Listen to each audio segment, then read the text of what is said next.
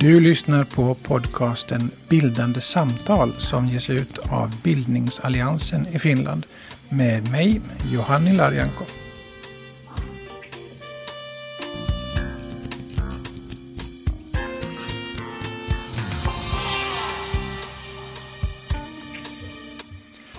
Det är mitten av oktober. Höstlöven skiner i guld, gult och rött i parken utanför Helsingfors Alvis. De syns bara suddigt här uppe på fjärde våningen genom de regnstrimmiga fönstren. Klockan är två och mötet börjar. Svenska skolhistoriska föreningen i Finland ger idag ut band 36 i sin serie Skolhistoriskt arkiv. Den här gången är temat den fria bildningen i Svenskfinland och det är därför jag är här. Under de följande tre timmarna guidas vi genom den fria bildningens historia och utveckling i Finland. Det är första gången denna historia finns nedtecknad och samlad på ett ställe. 224 sidor för den som vill veta hur det såg ut och varför det blev som det blev. Allt som allt nio artiklar. Efter genomgången nappade jag tag i Alice Lillas, mångårig rektor i Korsholm, numera pensionerad, och Mats Granö, likaså pensionerad, med en bakgrund i folkhögskolerörelsen. Alice har bråttom, så det blir ett ganska kort samtal. Nu har den här tidskriften, eller boken, kommit ut om den fria bildningen i Svenskfinland och jag undrar, vad kan vi lära oss av historien? Ja, hur viktigt det är att man, att man har bredden, ett brett nätverk och att man, att man stöder varandra när man ska bygga upp det här och får idéerna samlade så att man kan försöka förverkliga i sina respektive små sammanhang. Sedan det är oerhört viktigt och det har jag upplevt som viktigt. Man har fått idéer härifrån och därifrån och så kommer man hem i sin lilla kammare och sen tar det till sig och det syns också delvis i den här boken. Det syns för det första är jag väldigt tacksam över den här boken också för den har gjort en sammanfattning av till exempel folkhögskolan då, i mitt fall. Jag tror att 1995 gavs det ut en bok på finska med de här och den, det är det enda man har gått, kunnat gå. Nu är skolan presenterad och det är väldigt bra för där ser man ju också samma, man ser utvecklingen och man ser samarbete och historien är alltid viktig. Sen skulle jag säga det att, att eh, det handlar ju egentligen om en del av den fin finländska identiteten, hela det här, den här fria bildningen. Med en miljon deltagare ungefär per år i fria bildningsverksamheten, det är fullkomligt fantastiskt. Liksom oslagbart, jag kan inte begripa hur det är möjligt.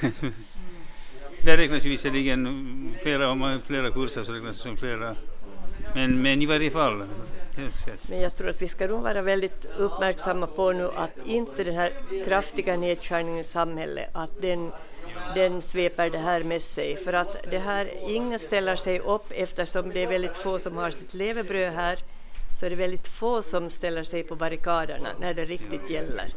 Och, och de här så deltagarna är också väldigt, ett väldigt tyst folk. Att få dem att, att ställa sig på barrikaden nu när nedskärnings svepet går. Så det, det är farligt. Det är farligt, det är tufft, ja, utan vidare. Och jag tycker att all investering på bildning och utbildning är liksom något som bär sig garanterat. Så det borde ju statsmakten förstå så långt som möjligt. Men samtidigt så är det ju klart att, att det som drabbar en borde drabba alla också, annars blir det orättvisa. Så vet vi. Men om vi då ser på folkhögskolorna, som mest var det 17 stycken och nu är vi nere på 12 och jo. det finns ju förslag på att man ska slå ihop flera stycken Utan eller lägga ner. Utan ser vi på Medborgarinstituten, det fanns en tid när ni fick pengar för att bygga Korsholm. Det kommer inte att ske igen. Nej, alltså, har vi guldåldern bakom oss? Är det så? Just nu förstås, just nu tror jag att det är, men, men månne inte för att, att man kommer nog att inse att kunskap behövs. Och vi måste samla den på något sätt om vi ska kunna ha sakkunskapen tillräckligt hög. För nu ska vi också tänka att allmänbildningen eller bildningen och kunskapen i samhället är större än på 70-talet. Det är den. Alla generationer som därefter har gått i skolan så har fått lite mera än föregående. Men det räcker inte till för det kommer hela tiden nya saker. Och vi har nu, de som gick i skolan på 80-talet, de har ju inte fått IT-utbildning till exempel i sin ordinarie kurs. Så att det kommer till nya ämnen som vi behöver och jag tror att vi behöver det. Men, men det där vi ska vara uppmärksamma på hur vi sköter det för att kunna klara upp det. Jo, det kommer nya krav och det kommer nya linjer och nya idéer men det kanske också kommer nya finansieringsmöjligheter. Det kan ju hända. Men vi, vi närmar oss vissa stora länders filosofi när det gäller utbildning, till exempel USA, där ju stora delar av kostnaderna bestrids av med, med hjälp av, av det där sponsorer eller vad man vill kalla det. Stiftelser. Får månne se om våra stiftelser och fonder är beredda att satsa lite på det här också. För att nu har man ju haft policyn att det som staten satsar i, det ska man inte gå in och röra. Men om staten slutar satsa, då måste det in. Och, och, det, där, det är så oerhört viktigt, åtminstone på kommunal nivå, att man ser att man får lite pengar utifrån. Då satsar man själv den där återstående summan. Det såg jag vid Tillbyggnaden-institutet, för jag fick medsatsning av Kulturfonden, Svenska folkskolans vänner, Konstsamfundet. Och då satte kommunen till 60 procent när den övriga var finansierad.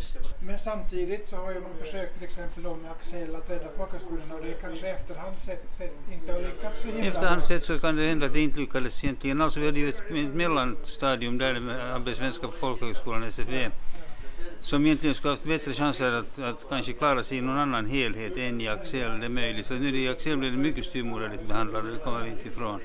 Det var det jag skulle säga, det här med att att om vi ser på folkhögskolorörelsen 100 år tillbaka i tiden ungefär så var det ju på talkarbete man byggde de här husen. Och, och det, om vi tänker på, på Nykarby till exempel, vilket fantastiskt jättestort hus det är i själva verket, huvudbyggnaden. Men också finns eller, eller vad, vad som helst att det där att eh, nu, nu har det funnits liksom finansieringsmöjligheter I alla tider. i alla tider. De ser lite olika ut men, men det där, jag tror att de är viktiga. Det är ju bara det, är det så att det måste köras ner ordentligt nu innan det börjar stiga igen. Men, men det där, vi ska hoppas att det inte går så. Sen är det ju det att, att vi har ju hela samhället. Folkhögskolan har lite mera ungdomsutbildning med internat och så, men Medborgarinstitutet så har ju hela samhället som kund så att säga. Så att det borde ha chans att klara sig bättre. Det gäller nog bara att vara väldigt lyhörd och att hela tiden eh, ha upp fingret varifrån blåser det och ta idéerna. För man borde vara, se trenderna när de kommer och direkt fastna på det och erbjuda sånt. Och det är det vi har möjlighet till inom fria bildningen. Alltså den är otroligt dynamisk den här, den här, den här miljön så att säga. Det kommer möjligheter att, att mycket hastigt svara på behoven, de allmänna behoven, bildningsbehoven i samhället som till exempel lagen efterlyser senast i första paragrafen eller vad det nu sen är. Att Den möjligheten har vi också en viss erfarenhet av, vi har alltid gjort det. Man hittar man hittar pengar. Det var en känd sko, skolteoretiker som sa att det finns alltid mera pengar än vad det finns goda idéer och det kan hända att det ligger något i det. Nu har ni jobbat med att gräva i arkiven och titta tillbaks och lite fundera över den tid som har varit. Väldigt ofta så tittar vi framåt. Vi funderar på framtidens utmaningar. Vi funderar på vad samhället behöver idag eller hur vi ska få pengarna att räcka till eller vilka lösningar som är bäst. Är det så att vår historia eh, inom fria bildningen är relativt okänd egentligen för att vi tittar Jo. så mycket framåt? Jo, det kan, det kan nog lätt hända. Det är säkert så. Det är nog är säkert. Varför, så. varför är det så? Är vi dåliga att kommunicera ut det? På något vis. Ingen har heller frågat efter det. Nej. Det är först nu som man, riktigt. det är först nu som man har börjat liksom ifråga, eller fråga efter det. Att vad gjorde Medborgarinstituten på riktigt? Hur kom Jo. det sig? Vad gjorde folkhögskolorna? Så att, att jag tror nog, för det är ju så att vi är ju lite anspråkslösa. och Tvingar vi på folk att komma och säga hörni, lyssna på mig nu? Det gör man ju inte. Nej, det gör man nog inte. Nej. Men vad kan vi lära oss av historien? För det måste ju finnas lärdomar därifrån. En sak är att det alltid funnits pengar någonstans ifrån och det har varit olika genom åren vad som har, varifrån de har kommit. Men på något sätt har det löst sig i hundra år På i något många sätt. fall. Eller längre. Vi måste lyssna på behoven. Vad behöver människan för att klara sig bra i ett samhälle? För att vi får jämlikhet, för att de humanistiska värdena fortsättningsvis ska vara i centrum. Och det tycker jag är särskilt viktigt nu i en värld som hårdnar allt mera. Det tror jag.